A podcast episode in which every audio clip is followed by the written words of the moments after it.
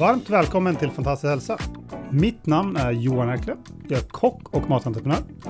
Och mitt namn är Cecilia Fürst och jag är specialistläkare i Sverige samt i Integrative och Functional Medicine i USA. Och jag heter Nils Per Skåra. Jag är performance coach, kosthållsvägledare och idrottsutövare. Och med den här podcasten ska vi hjälpa och inspirera dig på vägen mot en fantastisk hälsa.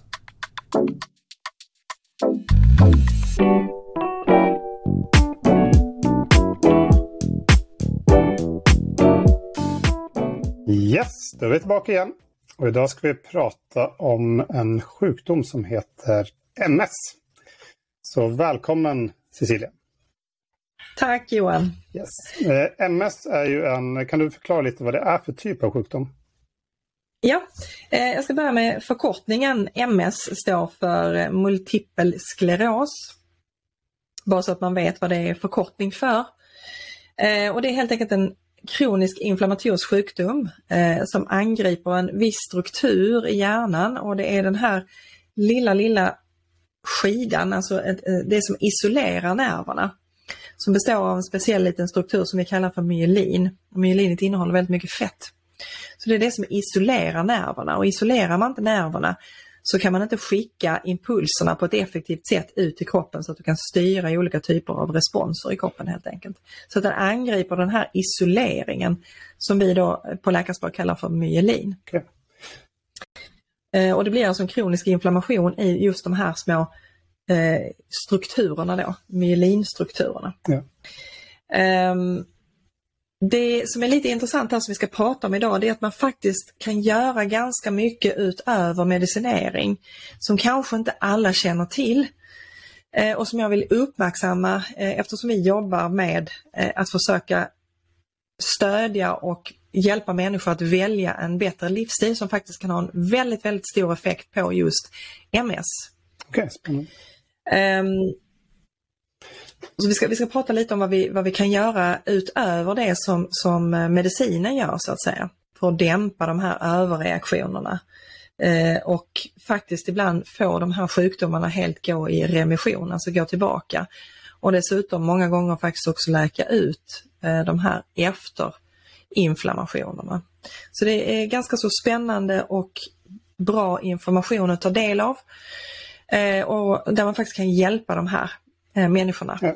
På ett väldigt, väldigt sätt. Jag räknar med att du har en del eh, patienter som har de här problemen, eller haft kanske? Ja, precis, absolut.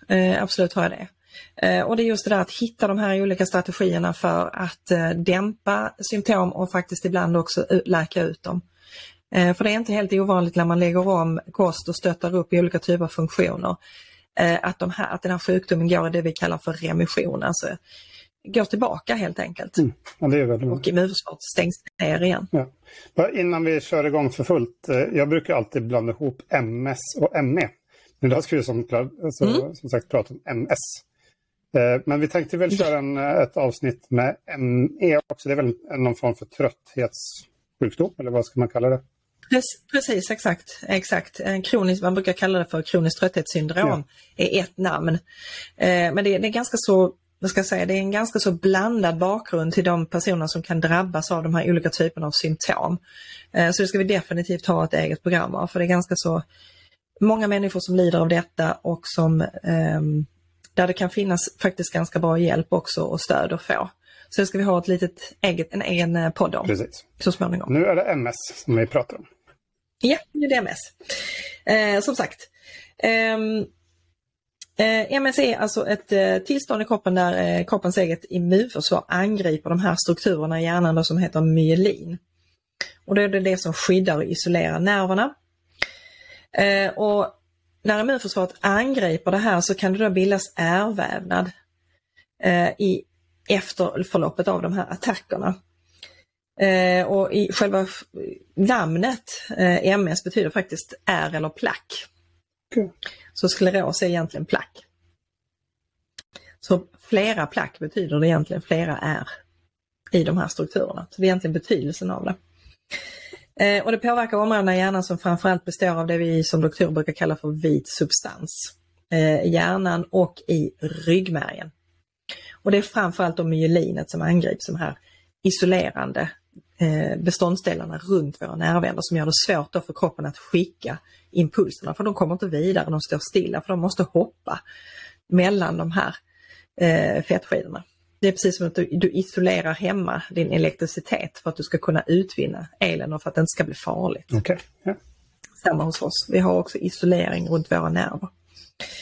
Eh, man kan känna till att MS drabbar ungefär 2,5 miljoner människor över hela världen så det är en ganska så eh, stor, alltså stor andel personer som drabbas av detta och det är också ett problem att det ofta drabbar unga vuxna.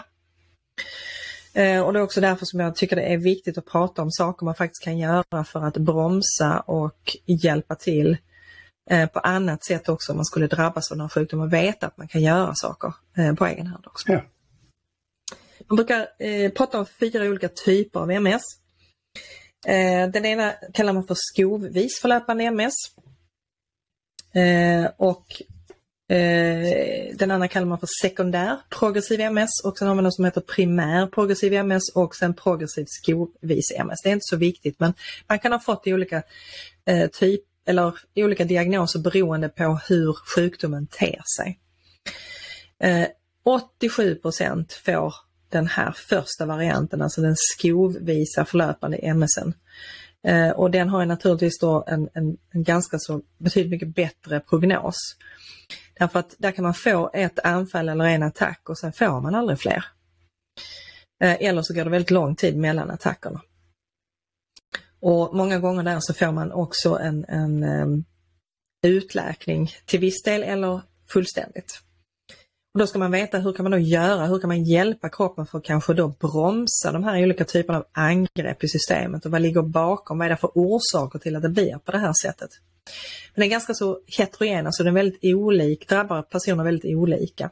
Men det vi pratar om här kan hjälpa alla oavsett vilken grundtyp av MS man har, så det ska man veta. Ehm, symptom som man kan känna igen då när man, eh, om man har eh, misstankar om MS det är ofta att man kan få synförändringar. Man kan till och med få synförlust och man kan få dubbelseende. Man kan få problem med svaghet i kroppen, eh, problem med balans och koordination. Eh, det är de vanligaste. Så kan man också få känselförlust eller känselstörningar. Det är absolut de vanligaste. Det är ofta det man söker för. Den här typen av symptom.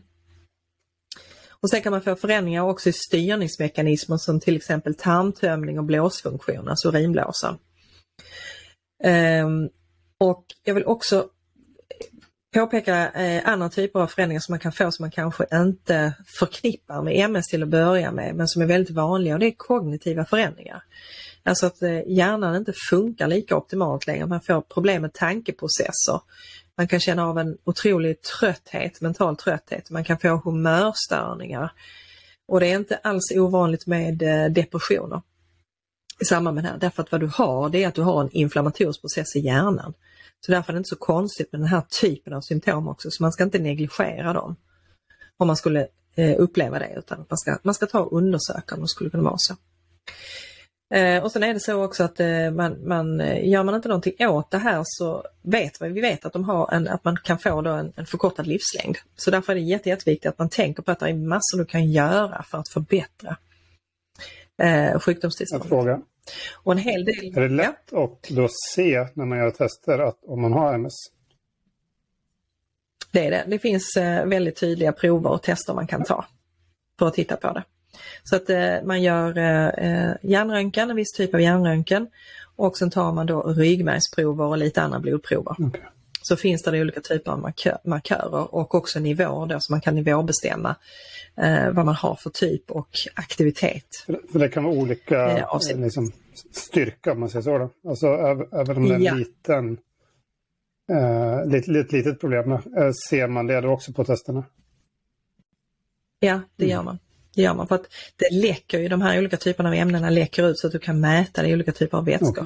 Det är framförallt då i, i ja. ryggmärgen som man kan se det. Och så ser man det som specifika förändringar i hjärnan när man gör en viss typ av hjärnröntgen. Ja. Um, värt att notera är att många MS-patienter faktiskt har upptäckt att kost kan påverka hur de mår. Så det finns en hel del som faktiskt på egen hand experimenterar lite grann med olika typer av kost och märker liksom att de blir betydligt mycket bättre. Ja. Och det är lite det vi ska prata om idag också, eh, allt det här man kan göra själv för att påverka den här sjukdomen. Um, om man då går tillbaka lite och tittar på den här inflammationen som man då får i samband med eh, MS så är det ju en autoimmun sjukdom, alltså det är att kroppens immunförsvar felaktigt angriper kroppsegen vävnad och i detta fallet då de här skyddande höljet runt nerverna. Eh, och det är också därför man kan få de här konstiga olika typerna av symptom som vi beskrev ovan. Eh, och det som sagt det är framförallt de här vita substansförändringarna man ser då det är då de här som ska skicka impulserna ut i kroppen. Eh, och eh, de viktigaste cellerna som bildar de här skidorna runt nerverna, de heter, eller kallas för oligodendrocyter, förkortas OD-celler. Eh, och de är jätte, jätteviktiga när man då ska försöka återbilda, återskapa det här skyddet runt nerverna. Eh, och kan man inte återskapa det, ja då får man ju bestående symptom helt enkelt. Och då får man det är på de här nerverna, så då funkar inte den här nervimpulsöverföringen lika effektivt. Eh, något annat som är viktigt att tänka på det är att det som skyddar hjärnan från inflöde av molekyler som inte har där att göra, det är blod-hjärnbarriären. Eh, och där har vi då en annan väldigt, väldigt viktig del i MS-sjukdomen. Det är att man faktiskt får en försämrad funktion i blod-hjärnbarriären. Så man får en nedbrytning av blod-hjärnbarriären. Och då helt plötsligt så kan toxiner, alltså olika typer av giftiga ämnen flöda in i hjärnan som inte ska vara där. Och det innebär då också naturligtvis att där kan ju också komma in olika typer av eh, ämne ämnen som, som egentligen härstammar till exempel från en läckande tarm. Så olika typer av födoämne eh, kan trigga och gå över blod-hjärnbarriären och då också eh, öka inflammationsgraden i hjärnan. Så därför är det så himla viktigt att ta reda på, okej okay, har jag en bra tarmflora? Har jag en, in, en intakt tarm? Eh, har jag väldigt mycket gifter i kroppen kan jag göra någonting åt för att hjälpa kroppen så att de här ämnena inte kommer över den skadade blod-hjärnbarriären. Därför det kommer att försämra sjukdomen och öka det här bekymret med symptomen och angreppen i hjärnan och försvåra sjukdomsförloppet. Så det är därför det är så viktigt att tänka system när man tänker MS. Så att vad man ska jobba med det är att stärka alla de här systemen som kan hjälpa dig i rätt riktning och hjälpa till att skydda hjärnan. Och då kommer vi in på det här som jag pratat så många gånger om med en optimal kost och ett balanserat immunförsvar och se till att mag-tarmkanalen gör vad den ska. Ett, att den är intakt. Två, att den tar upp och att det finns de näringsämnen som du behöver för att du ska kunna hjälpa kroppen att läka ut de här attackerna som det då kan bli, de här inflammationsprocesserna. Okay, så om man vill fördjupa sig mer på det här så kan man säkert då lyssna på det avsnittet vi har om tarmen och den om IBS säkert. Eh, absolut, absolut. Och se om man känner igen sig i de symptomen mm. också och se om man kanske måste börja ja. där. När man ska hjälpa. Så om vi då ska gå in på lite olika saker som vi då kan påverka eh, sjukdomen i rätt riktning, i positiv riktning för att minska inflammationen.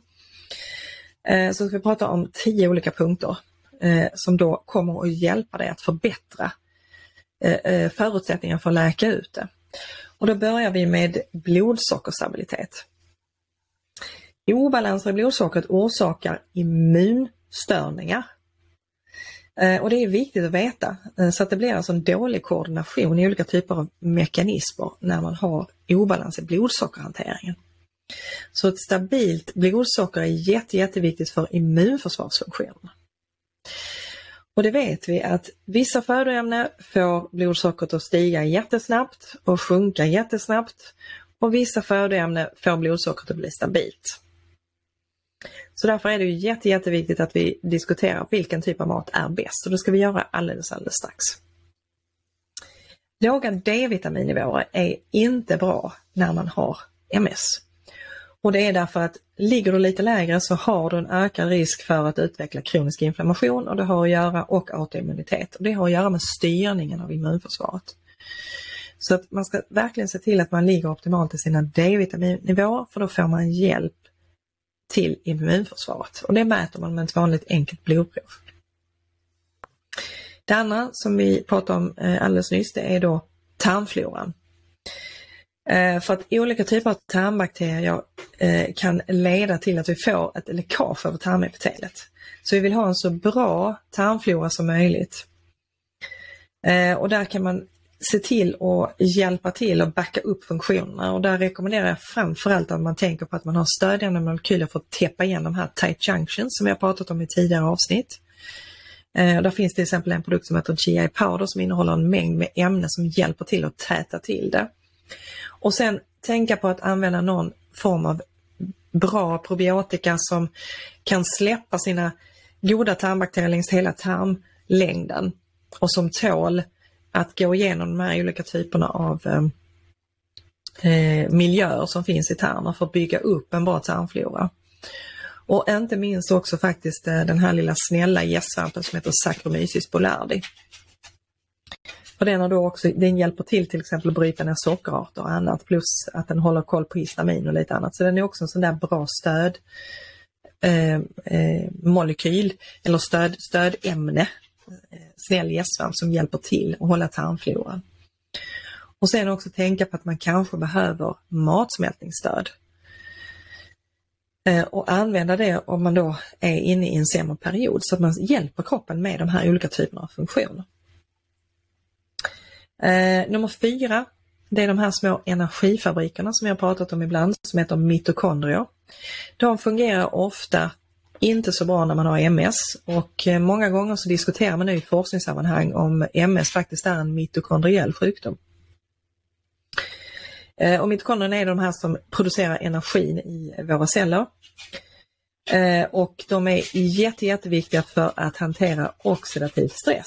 Så att när de inte funkar som de ska så ökar risken för oxidativ stress. Och oxidativ stress är helt enkelt molekyler som skadar strukturer, DNA, reglering och ökar naturligtvis då reaktiviteten i immunförsvaret. Så det är viktigt att försöka stötta mitokondrierna. Jag kommer in på det om en liten stund också, vad man kan göra för det. Eh, ett annat stödämne, om vi går till punkt 5, det är glutation. Glutation är kroppens starkaste antioxidant. Och den producerar kroppen, kroppen själv, men man har kunnat se att vid autoimmuna sjukdomar så ligger man ofta mycket, mycket lägre i glutation. Eh, och då kan man då tänka på att stödja produktionen av glutation eller att ta glutation som ett tillskott när man är i en sämre period.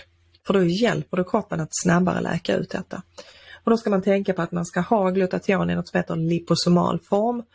Därför att annars så bryts det ner i mag-tarmkanalen, då får du inte upp det eh, och får samma funktion i systemet i stort. Så det är viktigt att ha rätt form på glutation, ska man tänka på. Annars kan man också med fördel använda NAC, N-acetylcystein, därför att det är ett förämne till att bilda eh, glutation. Plus att det är också en väldigt stark antioxidant och den hjälper också mot biofilm i mag-tarmkanalen. Så det är också ett väldigt användbart ämne för att stötta de här processerna. Um, en annan sak som är viktigt att tänka på vid MS, uh, eh, det är förhållandet mellan olika fetter, framförallt då mellan de, dåliga, eller de sämre omega-6 fetterna och i förhållande till de bättre omega-3. Uh, eh, och Ofta är det så att eh, personer med MS de har ett sämre förhållande, alltså de har mer omega-6 fetter i förhållande till omega-3. Omega-6 är de inflammatoriska fetterna och omega-3 är de antiinflammatoriska. Så de behövs alltså för att du ska bilda de här antiinflammatoriska ämnena. Så då kan man också tänka på att man med fördel kan då använda omega-3 för att styra de här processerna och också välja födoämnen som är låga i omega-6 och höga i omega-3. Ehm, en annan väldigt vanlig faktor som kan vara problematisk vid, eh, vid MS det är ehm, exponering för miljögifter. För det kan då driva på de här inflammationsprocesserna i hjärnan och framförallt om man har en skadad blod-hjärnbarriär. Ehm, och miljögifterna det får vi det till, till exempel att dricka vatten och plastflaskor, värma maten i mikron i plast, Så att plastsanera, tänk på eh, att äta så mycket ekologiskt du kan så att du minimerar eh, din exponering för olika typer av bekämpningsmedel. Sen kan det också vara eh, hygienprodukter, alltså att du använder hudkrämer och annat som innehåller eftalater och eh, olika typer av produkter som är från oljeindustrin och eh, smörjer in huden med. Eh, de ämnena kommer också passera över blod-hjärnbarriären och orsaka inflammation, så det kan man tänka på. Och sen har vi biotoxiner, alltså olika typer av virus, mögel eh, och bakterier som, eh, som då också kan då påverka. Så det kan man också tänka på att försöka se i sin situation och sin omgivning. Är det någonting som kan, som kan trigga min sjukdom? Är det någonting jag kan göra för att sanera där? Nummer åtta, det är stress och dåliga andningsvanor. Eh, nu kommer vi ha, nu berättade lite för mig Johan att vi kanske kommer ha ett program ja. om andning. Eh, och, och just det här att lära sig att djupandas. Eh, därför att processer i kroppen behöver syre. Och syre är en väldigt stark antioxidant. Eh, så att andas på rätt sätt är viktigt. Stressen är viktig helt enkelt därför att stresshormonerna försämrar den inflammatoriska aktiviteten i kroppen. Så att, att hitta stresshanteringstekniker och att försöka optimera sin livssituation så mycket man kan så att man minimerar eh, själva stressfaktorerna runt sig är också viktigt eftersom det då påverkar eh, immunförsvaret. Sömnbrist har vi också pratat om många gånger. Eh, och det är därför att dålig sömn främjar eh, ett immunförsvar som är överaktivt och ökar inflammationen. Så goda sömnvanor ger optimal melatonininnsöndring, för melatonin är alltså ett ämne som kan minska inflammationsgraden. Och det kan man också tänka på att kanske diskutera eh, med sin doktor om man eh, har problem med sömnen, om man kanske ska stå på en lågdos melatonin. Så är inte det alls dumt därför att melatonin är inte bara ett sömnhormon utan det är också antiinflammatoriskt. Och det förbättrar vävnadsutläkningen. Så det kan man känna till. Melatonin kan vi som doktorer förskriva också. Och det är ett kroppseget sömnhormon egentligen. Mm, det ska man inte ta för mycket av eh, över lång tid eller hur funkar det? Nej, det är, det, är ingen fara egentligen att ta det i lagom doser men vad man ska tänka på är att man ska pulsa det. Så att man ska, man ska ta det ett par dagar, vara av ett par dagar och ta ett par dagar. Så man ska ha en viss eh, eh, växelanvändning av det. Då, då får du som bäst effekt av det dessutom. Och sen kommer vi till min favorit och det är mm, metylering. Eh, metyleringsprocessen är ju den här nyckelprocessen som skyddar vårt DNA och slår av och på olika typer av gener och hjälper oss eh, att avgifta bland annat. Eh, och vi vet också att metyleringen är, spelar en jätte, jätteviktig roll i T-cellsfunktionerna, alltså de här immuncellerna, för regleringen av dem. Så att ska man då styra sitt immunförsvar så behöver vi ha en god metylering. Eh, och det har vi pratat om i ganska många olika typer av avsnitt. Och vi har också pratat om metyleringskost. Eh, och det metyleringen är de här stegen som jag gärna tittar på rent genetiskt för att se vad man har för förutsättningar här, för här kan jag påverka väldigt mycket. Så därför lägger jag ganska mycket tid på att titta på eh, de olika typerna av eh, enzymer som är involverade i metyleringen och eh, hur man genetiskt är predisponerad i de här olika systemen. Vad, vad gör du där då? Eh, då ser jag till att backa upp. Låt oss säga att du har eh, ett enzym som är för långsamt. Då hjälper jag till att effektivisera det genom att ge den här färdiga formen av det enzymet som ett tillskott. Så att jag balanserar metyleringsfunktionerna åt den här personen om det är så att den har genetiska varianter som gör att det fungerar sämre. Så då, då backar jag med de näringsämnen som den personen behöver utifrån okay. sin genetik. Eh, det är ganska fascinerande när man kan se de effekterna för de kan bli ganska stora. Det är tillägg till metyleringskost då eller? Mm. Ja, det är tillägg. Tillägg till metyleringskost och har man lite tur där så kan man efter ett tag på metyleringskosten släppa eh, tillskotten när man har fått upp nivåerna och kanske läkt ut mag-tarmkanalen. Så klarar man sig eh, ibland eh, på eh, metyleringskost men, men inte alltid. Ofta behöver man ha lite stöd där för man har en genetisk predisponering ja. helt enkelt. Um, om vi då kommer tillbaka till det här med blodsocker, uh, varför det är så viktigt att kontrollera blodsockret. Um, Blodsockerbalansen är ju avgörande för en helt enkelt en uthållig energiproduktion och immunkontroll i hela kroppen. Så att allting behöver vi en balanserad blodsockerkontroll för. När vårt blodsocker blir för högt, alltså vi drabbas av något som heter hyperglykemi, så har sockermolekylerna en tendens att binda till proteiner som vi har pratat om tidigare i kroppen. Och då skapar de något som kallas för eh, glykolytiska enzymer och förkortas AGE, det har vi också pratat om tidigare. Och de här AGE-ämnena de förstör cellmembransfunktionerna och skadar insulinreceptoraktiviteten. Och då blir det en ond cirkel eh, av det här så att du får ett förhöjt blodsocker och så får du ökad inflammation. Så här har du ytterligare en sån här faktor, när du har MS då, som redan är en inflammatorisk sjukdom så är det jätte, jätteviktigt att ställa om kosten, gå mot kost där du undviker födoämnen som triggar högt blodsocker. Jätte, jätteviktigt.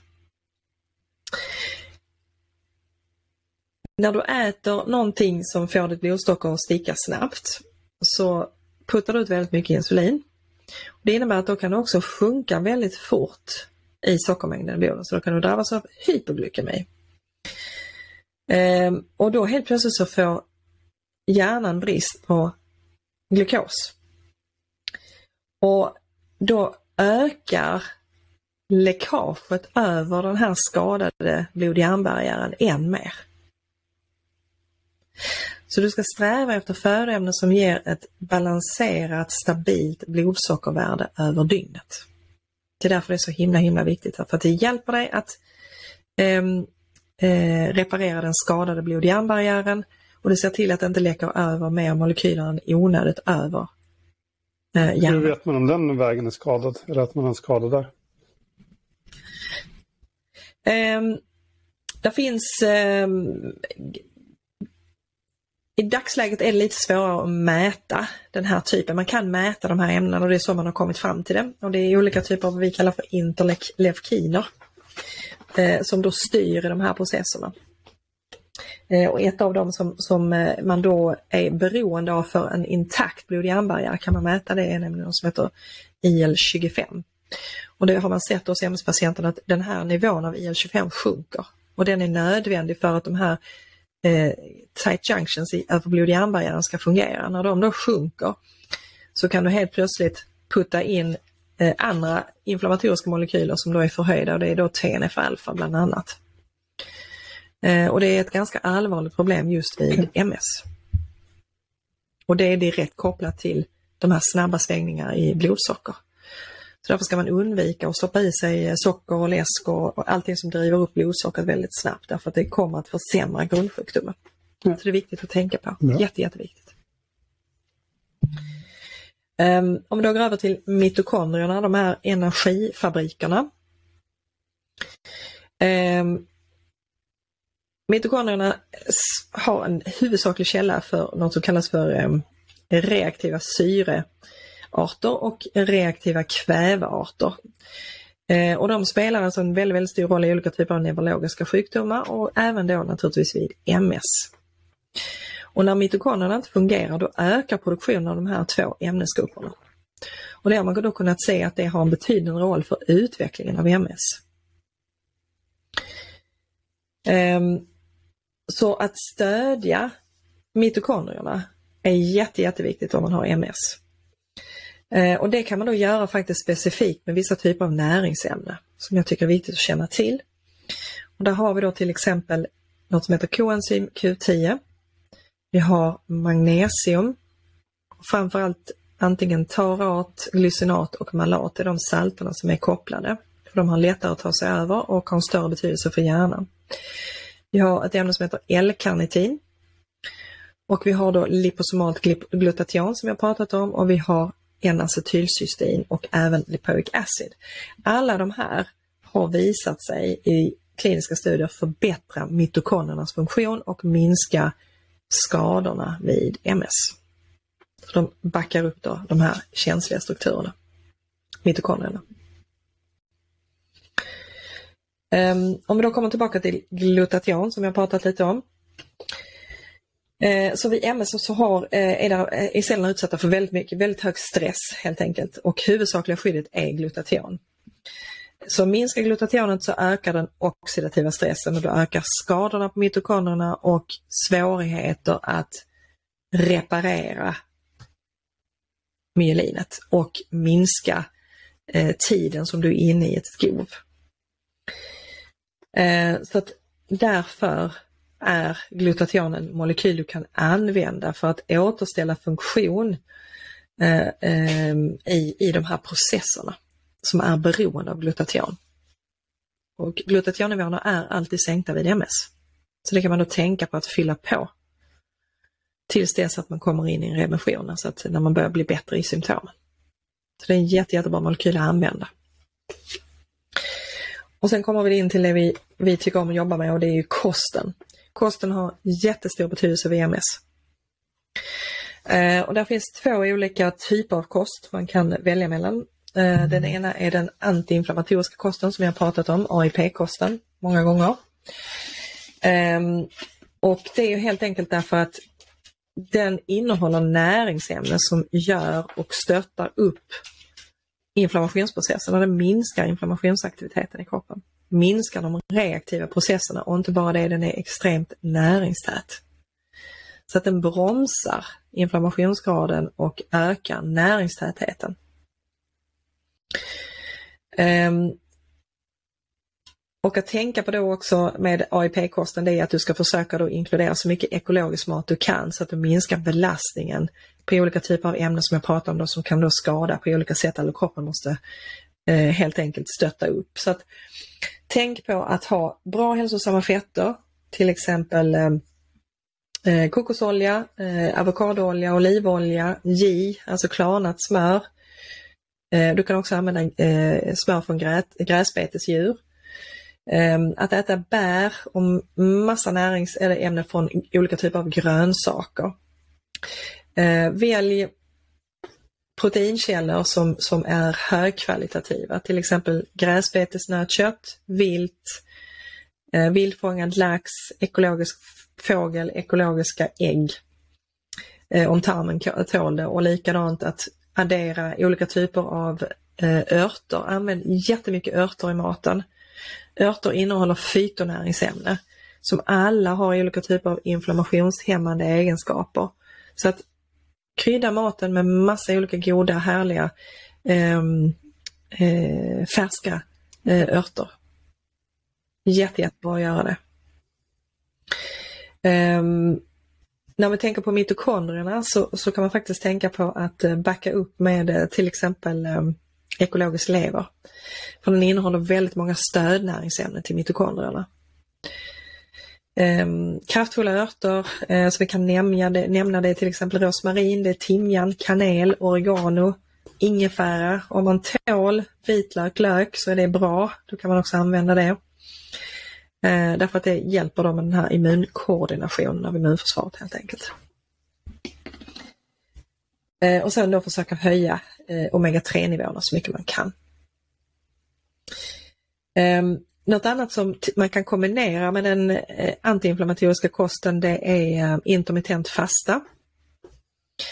Eh, därför att där får du just den här potentieringen, alltså kroppen får vila från att ta hand om mat och du drar igång olika typer av reparationsmekanismer när du fastar.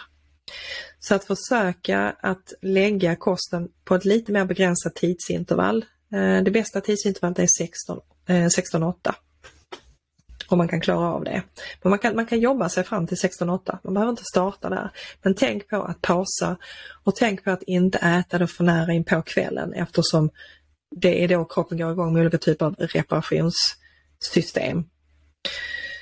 Um, en annan kost som man gärna använder vid, framförallt vid aktiv MS, alltså vid, vid skov, det är en lite mer besvärlig kost och det är ketogenkost. Och den kan vara väldigt, väldigt bra när du har ett skov av MS därför den hjälper till också att eh, skydda blod i armbarriären. Um, ehm, och vad är då ketogen kost? Ja, det är en, man kan säga att det är en mycket striktare variant av LCHF. Och den största skillnaden där det är helt enkelt att man vid ketogen kost begränsar man inte bara kolhydratintaget utan även proteinmängden. och så utesluter man mjölkprodukterna. Så där har man den stora skillnaden. Så det är en ganska svår kost. Men där kan man ta hjälp av en duktig näringsterapeut som är van att jobba med ketogenkost. Eh, tittar man på klinikerna eh, utomlands, eh, både i Storbritannien och i USA till exempel, så finns det dietister kopplade till de eh, klinikerna som jobbar med olika typer av neurologiska sjukdomar och autoimmuna sjukdomar. Eh, då finns det dietister som ger de här kostråden och hjälper till att följa upp det. Eh, fördelningen kan kanske vara bra att känna till vilka kost om man ska få effekt av den. Eh, du ska ligga på ett kolhydratintag på ungefär 5% och det ska du få från grönsaker som växer ovan jord. Så vi tar bort de här nattskatteväxterna ofta. Eh, det ska främst komma från eh, gröna bladväxter, avokado, broccoli, blomkål. Och sen ska man undvika eh, frukter, rotfrukter och eh, nötter. Eh, och sen ska man ha ungefär 15% protein och det ska man då helst få ifrån eh, kanske äggula, fisk, ehm, fisk och skaldjur från så bra källor man kan. Ekologisk fågel, vilt, ekologiskt nöt eller gräsbetesdjur går också bra. Och sen ska man då ha 80 från fett. Eh, och fettkällorna är då smör, eh, då till exempel gräs, gräsbetesmör, det är J, det är kokosolja, det är MCT-olja, avokado, äggula, och olivolja. Där har du fetterna så ska man helst undvika eller åtminstone vara väldigt sparsam med mejeriprodukterna förutom då smöret jag pratade om. Eh, och då sätter man kroppen helt enkelt i ketos. Och varför gör man det? Jo, därför att ketonkropparna kan hjärnan använda på ett väldigt, väldigt effektivt sätt och det är en väldigt bra energikälla, eller rättare sagt den kan gå raka vägen in i mitokondrierna och producera energi. Det är därför det hjälper vid de här olika typerna av processer som drar igång. Och du håller också ditt blodsocker extremt stabilt. Du blir alltså inte beroende av de här svängningarna som det kan bli i blodsockret när du har för mycket kolhydrater. Men av dessa två dieter, vilken liksom är att föredra då? Eh, jag tycker att den som jag föredrar eh, när man ska prova någonting själv, det är den antiinflammatoriska kosten och kombinera ja. den med intermittent fasta. Eh, är man inne i ett akut skov Eh, då tycker jag att man är, då kan man vara bekänt av ketogenkost men ja. där, kan man behöva hjälp för att få den att fungera. Men ett akut skov kan vara väldigt effektivt att använda ketogenkost. Under hur lång period cirka då? då?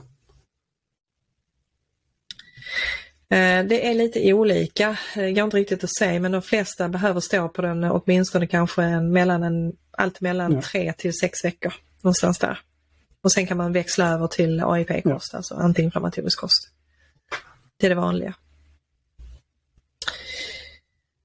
Um, så bara lite slutgiltiga tankar som jag har runt, runt MS. Alltså, MS är en allvarlig sjukdom eh, och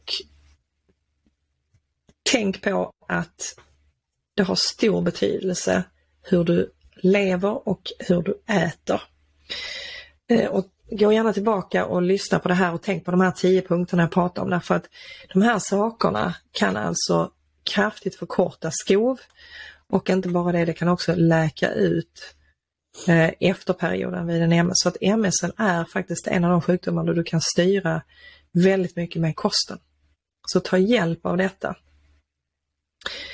Eh, och du kan alltså märka en stor förbättring när det gäller de här symptomen som man har kunnat uppleva. Alltså kognitiva funktioner, mental skärpa, humör, energi eh, och även då olika typer av fysiska symptom eh, som kan ha att göra med koordination och balans.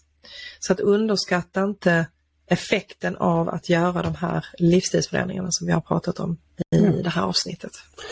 Det kan ha stor betydelse. Ja, det var mycket bra tips där och så jag blir glad alltid när man kan göra någonting med kosten. Det är, det är tummen upp från min sida. Så att, eh, ja. Det är och man kan ju som sagt gå in och lyssna på det avsnittet om metyleringskost också där och AIP-kost. Vi har ju pratat lite om det tidigare sånt också.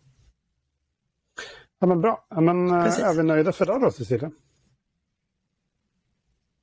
Ja, jag tror jag har fått med det, det viktigaste Precis. som man själv kan påverka.